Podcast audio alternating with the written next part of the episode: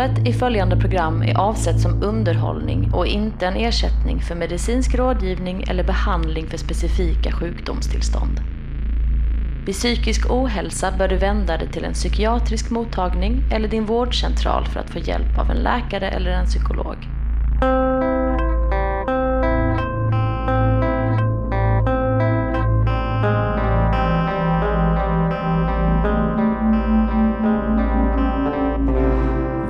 Välkomna till podden som handlar om att må bra om somrarna. Tack så mycket. Johan, visste du att pessimister är bättre på att ta bra beslut än optimister? Det visste jag faktiskt inte, Raulis Lanko, men jag blev inte speciellt överraskad när du drog upp det här lilla eh, argumentet ur din schweiziska fällkniv. Nej, eh, det är ett väldigt starkt argument i min schweiziska fällkniv. Det är så här att eh, pessimister tänker ju på vad kan gå fel, hur jag ska hantera saker som eventuellt kan gå fel. Optimister, de får ju höra att eh, det ordnar sig. Och de är en del av den rösten som säger att det kommer ordna sig. Och allting ordnar sig ju inte. Men Johan, känner man inte sig ganska dum i huvudet också när man är en jävla deppo-person och eh, hela tiden tänker att allt är besvär. Någon kommer och säger, ska vi inte gå på en skön promenad? Visst det vore roligt att göra det här, men häng med på det här som alla människor kommer på. Och, och sen när man säger nej, som den realist som pessimist man är, det här kommer inte vara bra för mig, så, så känner man sig ändå rätt eh, låg och dålig. Så är det såklart. Eh, och det är ju helt enkelt en komplexitetsgratäng som man är tvungen att röra i och försöka mixa ut de här liksom ostskalksresterna från botten ur. Men Johan, hur har du haft det sen sist vi sågs? Det har varit en ganska sträv vecka, Raulis Lanko. Först dök Skatteverket upp. Deras lakejer stod utanför mina fönsterbläck och skrapade med sina sorgkantade naglar. De krävde 74 840 kronor som jag var tvungen att skrapa fram. Därefter kom den kommunala barnomsorgen in i bilden. Den uppenbarade sig på scenen med klåda i hårbottnen. Löss, huvudlöss som äter sig in i hårbotten. Inte, inte hårbotten på dig då? Jo, jag var tvungen att gå till apoteket på entré på Värnhemstorget och köpa Paranix. Ett eh, finskt lusschampo faktiskt. Man kammar sig med en stålborste och sen så smörjer man in sin lilla hårbotten med det här kemiska medlet. Ehm, jag har gjort det en gång och det kliar lite, lite mindre. Men det är en tråkig grej att addera när mörkret smyger sig på. Men vi, vi kramades ju förut. Alltså nu, nu får jag information som jag inte är säker på att eh, jag vill ha. Nej, jag har både corona och löss. Och jag kommer att fortsätta krama dig. Trovärdigheten är allt du kommer säga här framöver sjunker ju drastiskt. Men eh, har, du, har du varit med om några, några andra nederlag sen sist vi såg? Nej, det var väl det jobbigaste skulle jag säga. Um, Men att du blev misshandlad häromdagen, det, det måste väl också kännas lite? Det var ganska soft ändå. Um, jag satt i Folkets park um, och drack glögg med en kvinna. Och så, så kom det en man som uh, gav sig backen på att slå ihjäl mig. Han bröt min näsa. Han bröt fyra revben. Han bröt fyra ben inuti min hand. Och han gav mig en smula ångest. Mm, så, så om du skulle varit en optimist då inför den här veckan så skulle du säkert tänkt att eh, det här kommer bli galant. Men som jag känner att åtminstone på vintrarna så är du lite av en pessimist. Så det här såg ju du lite vara på väg redan antar jag. Jag såg det komma och jag såg fram emot det. Ja, Nej, men jag tycker det är jätteskönt att du överlevde stryket. Annars skulle jag sitta här och prata själv och, och det skulle inte vara så kul för varken eh, mig, våra lyssnare och eh, din familj till exempel. Sen sist vi sågs så har du alltså varit jagad av Skatteverket med löss i håret. Och som kronan på verket så är det någon som utsätter dig för dråpförsök. Och jag funderar på, är du rädd hur det här kommer att påverka din vinter och ditt mående? Ja, det var en väldigt, väldigt sträv start i varje fall på den här mörka säsongen. Ehm, så jag tog en taxi hem i söndags morse, tittade ut över takåsarna som var draperade i vit, vit pudersnö. Kände mig ganska ensam överlag. Och jag blev också lite rädd för hur det skulle gå med tanke på min eh, gamla goda eh, vinterdepression. Och sist pratade vi lite om det här med eh, depression eller mörker som någon identitet. Att det, det är någonting som eh, gör en eh, mer levande istället för glättigheten som en person utåt. Samtidigt som att som du nu blivit drabbad av en massa skit som inte alls är kul. Som inte är värt mödan för att få sin emo direkt på sig. Så, eh, så är det liksom att man, man dippar lite under den gränsen vad som känns okej okay i ens egen eh, syn på sig själv. Jo, nej, men så är det Rauli. Alltså det är ju verkligen eh, tråkigt att eh, fästa de här eh, silverpaljetterna under ögonen när man har fyra knäckta revben, en knäckt näsa, en eh, knäckt hand eh, Eh, och en grav hjärnskakning. Jag är inte Henrik Berggren när jag står framför spegeln och borstar mina tänder. Nej, och då också att du eh, Istället för att då säga så här, ja men det är en tuff årstid, så kanske du plötsligt måste bli den här peppiga personen som säger, så farligt var det inte och eh, jag kommer ju fixa det här och det kommer läka och det gör inget att gå hem i mörkret eh, själv. Och plötsligt så har, har du liksom hamnat i din din verkliga mörker, inte känslan av mörker, utan eh, motgångarna som du har, har du hamnat i på ett ställe som mer än matchar känslan du hade. Och då plötsligt måste du kanske backa tillbaks lite grann så att folk ska vara okej okay med det. Att, att, att man blir lite mätt på sig själv så att säga. Ja, tänker det, du?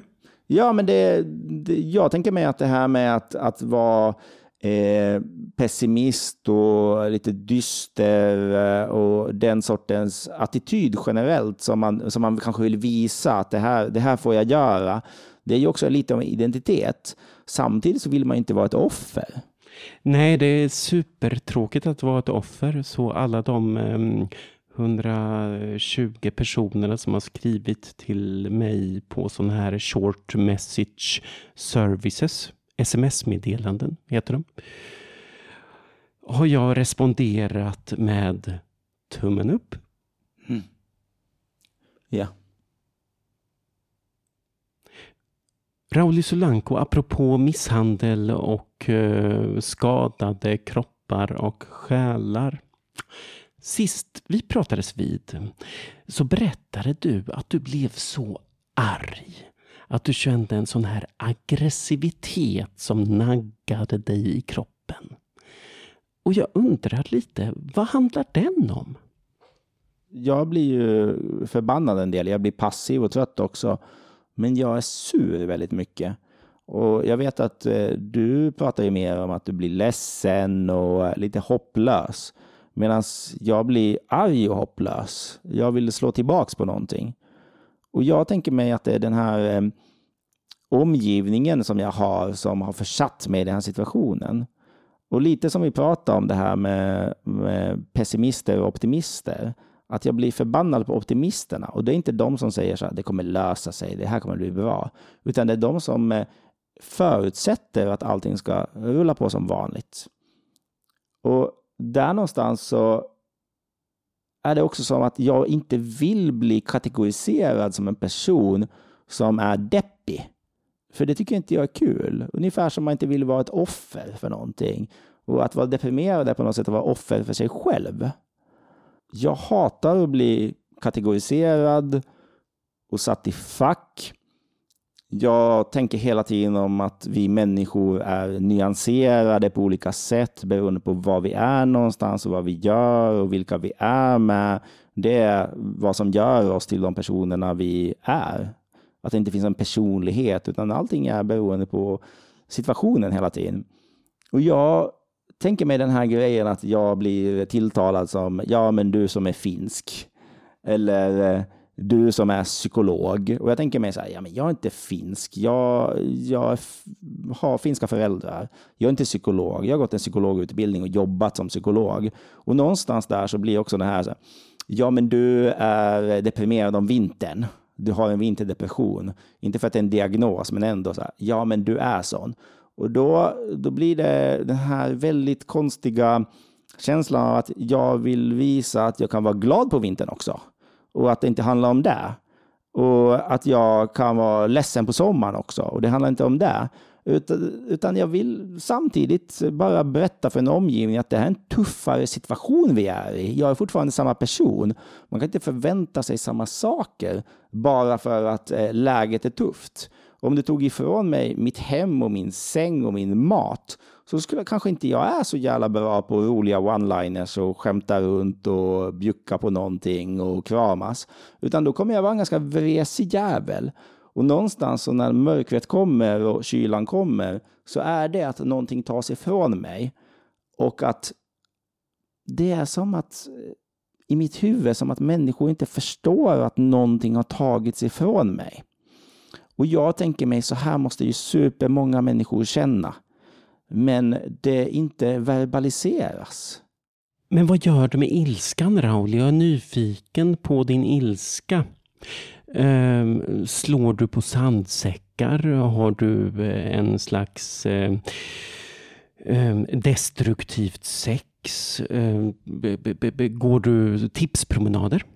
Jag går väldigt många destruktiva tipspromenader eh, på ett sexuellt sätt. Det är nog så jag hanterar det. Men det brukar jag inte berätta för folk. Nu blir det lite för privat. Men jag tänker mig jag tänker mig att måendet för mig är en fyrfältare på något sätt. Att på, på ena axeln så har vi eh, passiv eller aktiv. Att eh, energin, ingen energi, mycket energi. Och på den andra axeln så har vi mående, må dåligt, må bra.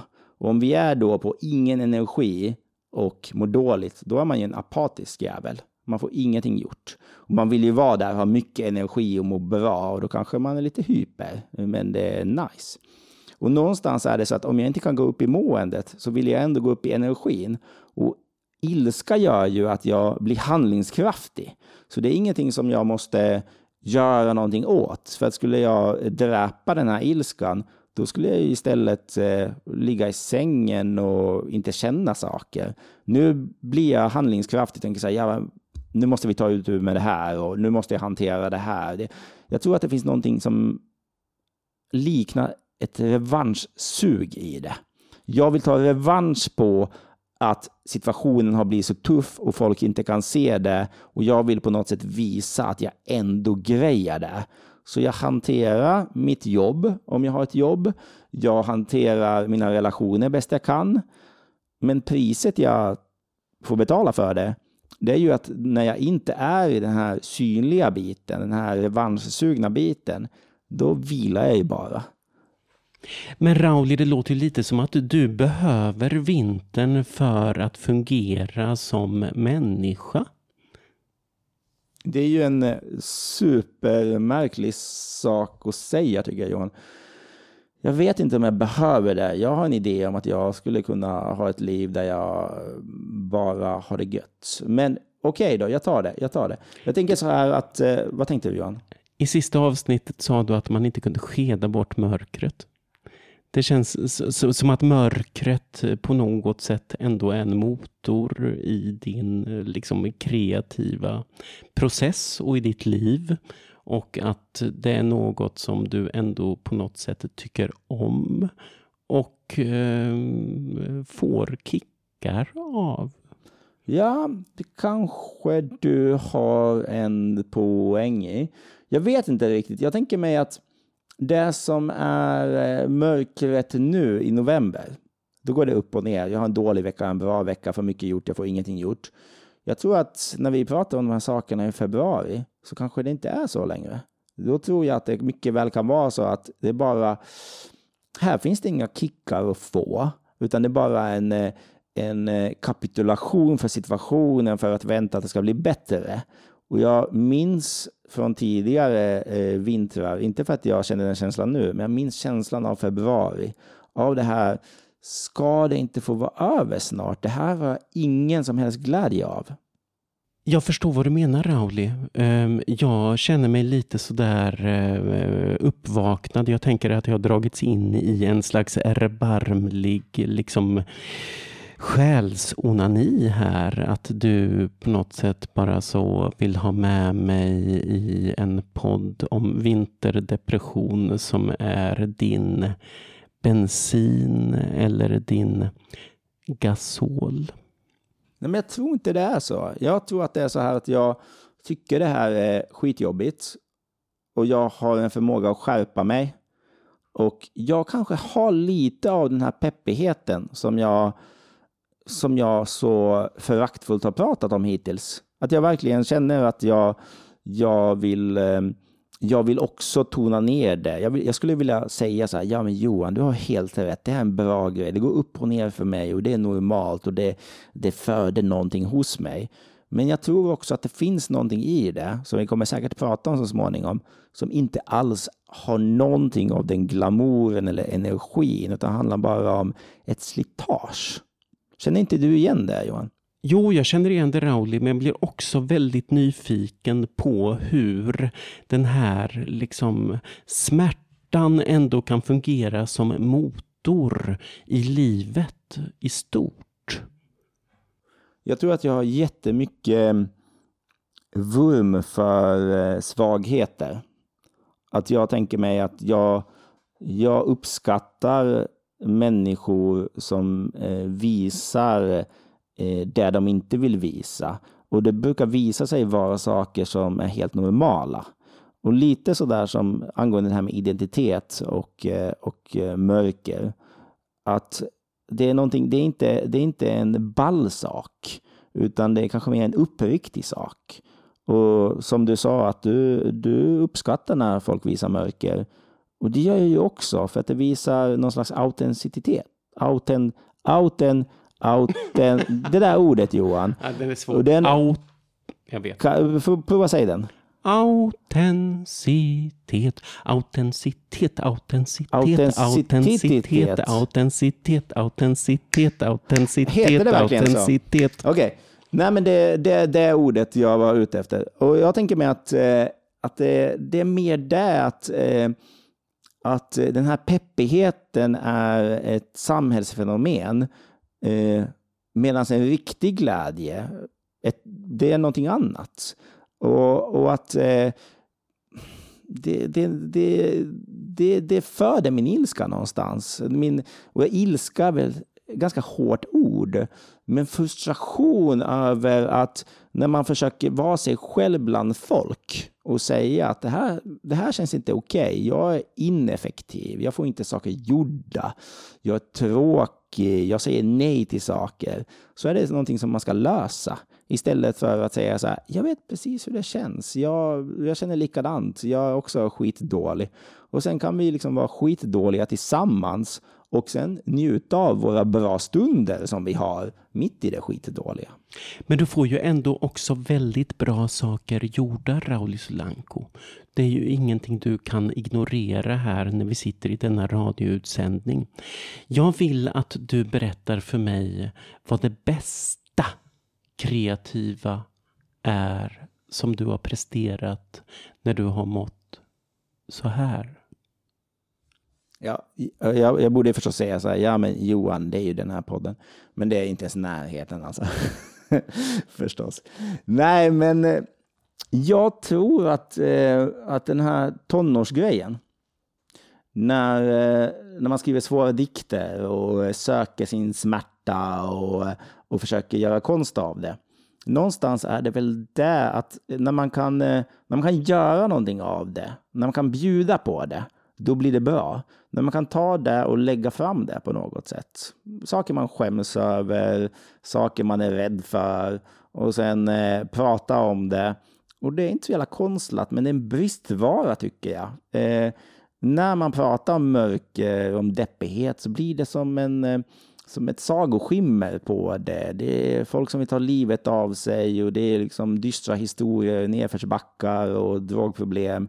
Och jag tänker mig att det här vanliga, vanliga att vara någonstans i en realistisk eh, eh, negativism, den, den får inte utrymmet som jag tycker det ska få. Och varje gång jag då ger uttryck för det någonstans, över rädslor till exempel, måste inte vara på vintern, då känner jag mig lite stolt när man säger det högt så här. Jag känner att det här är läskigt, gör inte ni också det? Och någon säger jo, jag känner också det är läskigt. Då känns det meningsfullt. Men vi kanske helt enkelt borde liksom ändra landningsbana på den här podden.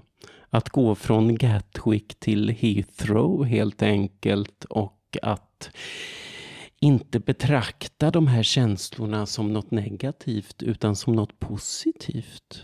Hur hade det känts i din kropp, Rauli Solanko? jag, jag vill ju samtidigt gnälla. Eh, och sen så tänker jag mig att det här kanske handlar mer om att sortera vad som är vettigt, bra, vanligt, okej okay med att må så här. Och vad som är saker som faktiskt inte man ska ha. Som du pratar precis om, eh, dina tuffa två veckor. Och det är ju massa saker som, jag tänker mig löss, det kan du väl ta. Alltså, det hör livet till. Skatteskuld på 74 000, ja men det är kanske någonting som man kan ändå få lite offerpoäng för. Men man ska inte bli eh, nästan mördad. Det är däremot det är, liksom, det är utanför registret här. Och, och att hålla isär de sakerna. Om vi skulle prata om dina löss och skratta lite åt det, det är en sak. Men om vi pratar om att du blivit misshandlad grovt, det är en helt annan sak. Och någonstans att båda sakerna får man prata om. Och det ena kanske man får klapp på axeln för. Medan det andra kanske man ska säga så här, jag hatar också att ha löss. Jo, så är det ju. Ehm, jag pratar inte eh, om löss med den här eh, arvtagaren till August Palm. Den sofistiske arvtagaren till August Palm som ehm, konfronterade mig i Folkets park i Malmö. Han var inte ett dugg intresserad av att prata om Paranix och liksom eventuella liksom kamningsmetoder utan han var mer intresserad av att eh, slå sönder mig helt och hållet. Så han sa inte så här, kamma dig din jävel och sen bara gav den en smäll. Du kan ju alltså minnas det. Jag förstod också att du har fortfarande en hjärnskakning som är ganska grav, så att det kan ju vara så att, eh, vad sa han egentligen? Vi pratade... Var det, var det en herre från Skatteverket som du mötte där i Folkets park? Jag är här för att hämta mina 74 000, eh, vad det nu var.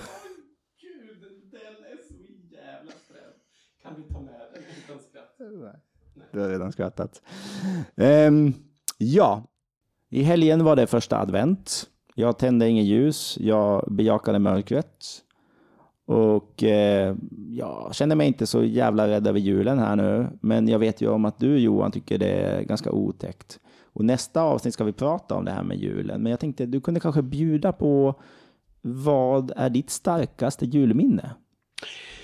Ja, mitt allra starkaste julminne tror jag är att eh, 1995 så var jag mol alena i en mexitegelvilla i nordöstra Skåne. Jag hade ingen att höra av mig till. eh, så jag gick hem till en kompis som led av social fobi. Eh, knackade på hans dörr. Ehm, det hände liksom ingenting. Men till slut hörde jag ett litet hasande ljud inifrån tamburen. Plötsligt slogs dörren upp och han uppenbarade sig i sin mammas raffset, grafitgrått med eh, strumpebandshållare och stringtrosor och och ehm, en sån här spets-bh. Och han hade erektion i sin mammas trosor. Jag följde med honom in för jag förstod att han inte riktigt mådde bra. Så jag kom in i köket och så såg jag att det stod en inplastad jultallrik med lite skinka, rödbetssallad och Janssons. Orörd. Och så stod det en urdrucken vodkaflaska på bordet. Han började gråta i köket. Så han stod med sin erektion i sin mammas trosor. Och sen så la jag armen om honom och tog med honom in i vardagsrummet. La honom ner på en soffa. Drog på honom en tigermönstrad syntetfilt. Och sen så satt vi där en liten stund och jag frågade hur är det, hur är det, hur är det, vad, vad, vad, vad är grejen? Varför är du så ledsen? Kan jag göra något för att hjälpa dig? Och efter ett tag så framgick det att han hade hjärtesorg. Hans mamma hade åkt till soptippen med en stor Musse Pigg-docka i naturlig storlek som han hade använt till eh, onani sedan tonåren. Han vann den på Liseberg någon gång på slutet av 80-talet. Så han hade karvat upp ett litet hål i den här eh, Musse Pigg-dockans stjärt.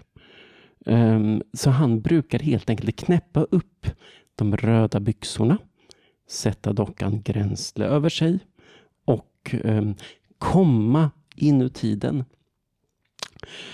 Och med tiden hade den här dockan helt enkelt börjat ruttna inifrån. Så nu i samband med den här julstädningen så hade hans mamma satt ner foten och sagt att det inte passade sig med en stinkande Musse Pigg-docka på julafton. Det, det är ju, jag tänker det är Kalle Anka som har julen till. Så det är en självklar sak. Men jag, tycker, jag är också väldigt imponerad Johan av att när du säger, när din första fråga är ändå, hur mår du? För det finns så många andra frågor att ställa i den situationen. Har du några starka minnen från julaftnar? Jag skulle vilja påstå att eh, jag har en del starka minnen.